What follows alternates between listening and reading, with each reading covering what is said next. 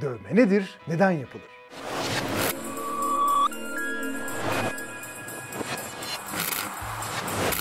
Dövme, insanlığın keşfetmiş olduğu en eski iletişim yollarından biridir.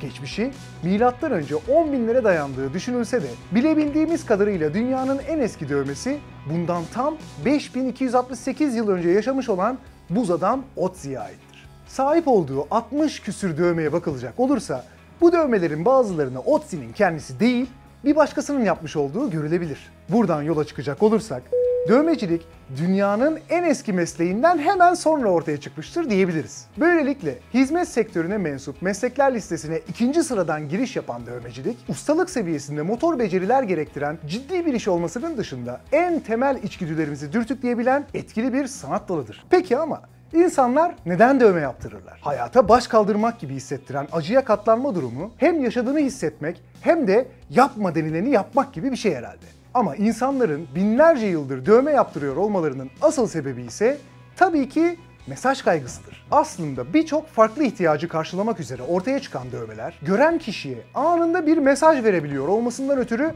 çok sık tercih edilmiştir. Örneğin eski çağlarda yaşamış olan insanların bile derdine yandığı belirli bir zümreye ait olma ihtiyacı dışa vurumcu bir ifade şekline dönüşerek kabile dövmelerini ortaya çıkarmıştır. Bugünlerde insanlar beğendikleri sanatçılardan bir dövme taşıyabilmek için Beşiktaş'taki Karadeniz dönercisinin önünde sıraya girer gibi gün sayarak dövmeyi ve dövmeciliği hiç olmadığı kadar popüler bir kavram haline getiriyorlar. Pul koleksiyonu yapmak gibi bir hayalin peşinden koşarak genç yaşta başarısızlığı tadan 90'lar jenerasyonu bir türlü büyütemediği o plak koleksiyonuna selam çakarcasına artık dövme biriktirir hale geldiler. Birazcık daha ardinal hormonu için yapmayacağı şey olmayan insanoğlu sahip olduğu duygusal acıları fiziksel acılarla bastırabileceğini keşfettiği gün başka bir hormon olan endorfinin esiri olmuştur. Kimileri için sırf kafa dağıtmak amacıyla bile tercih edilebilecek bir çeşit bağımlılık haline gelen dövme hem yapan hem de yaptıran için benzersiz bir deneyim sunuyor diyebiliriz. Peki insanlar neden dövme yapmayı tercih ederler? Evvel zaman içinde birçok farklı teknik kullanılarak icra edilmiş olan bu meslek bugünlerde teknolojinin de yardımıyla altın çağını yaşıyor desek yalan olmaz. 1900'lerin başında icat edilen elektrikli dövme makinesiyle hızlı bir yükselişe başlayan dövmecilik kendine ait bir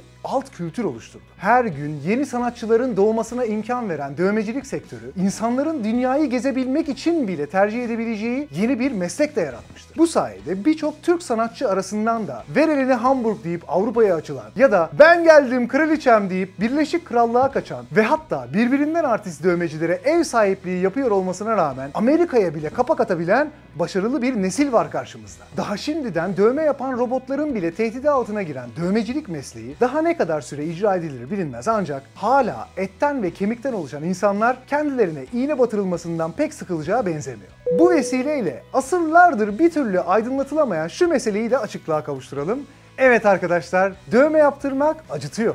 Kimisininki çok acıyor, kimisininki az acıyor. Hatta acının şiddeti uygulanan bölgeye göre bile değişebiliyor. Ayrıca her ne kadar yasaklanmış olsa da kalıcı dövmeler deri üzerinde suyun alta ulaşmasına engel olacak bir tabak oluşturmadığı için malum konuyla ilgili de engel teşkil etmemiş oluyor. Sebebi ne olursa olsun dövme yaptırmak benim için her daim keyif veren bir şey olmuştur.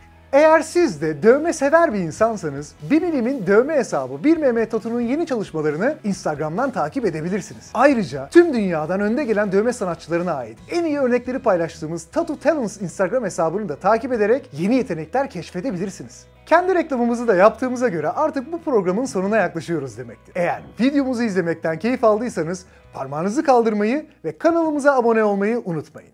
Gelecek program görüşmek üzere.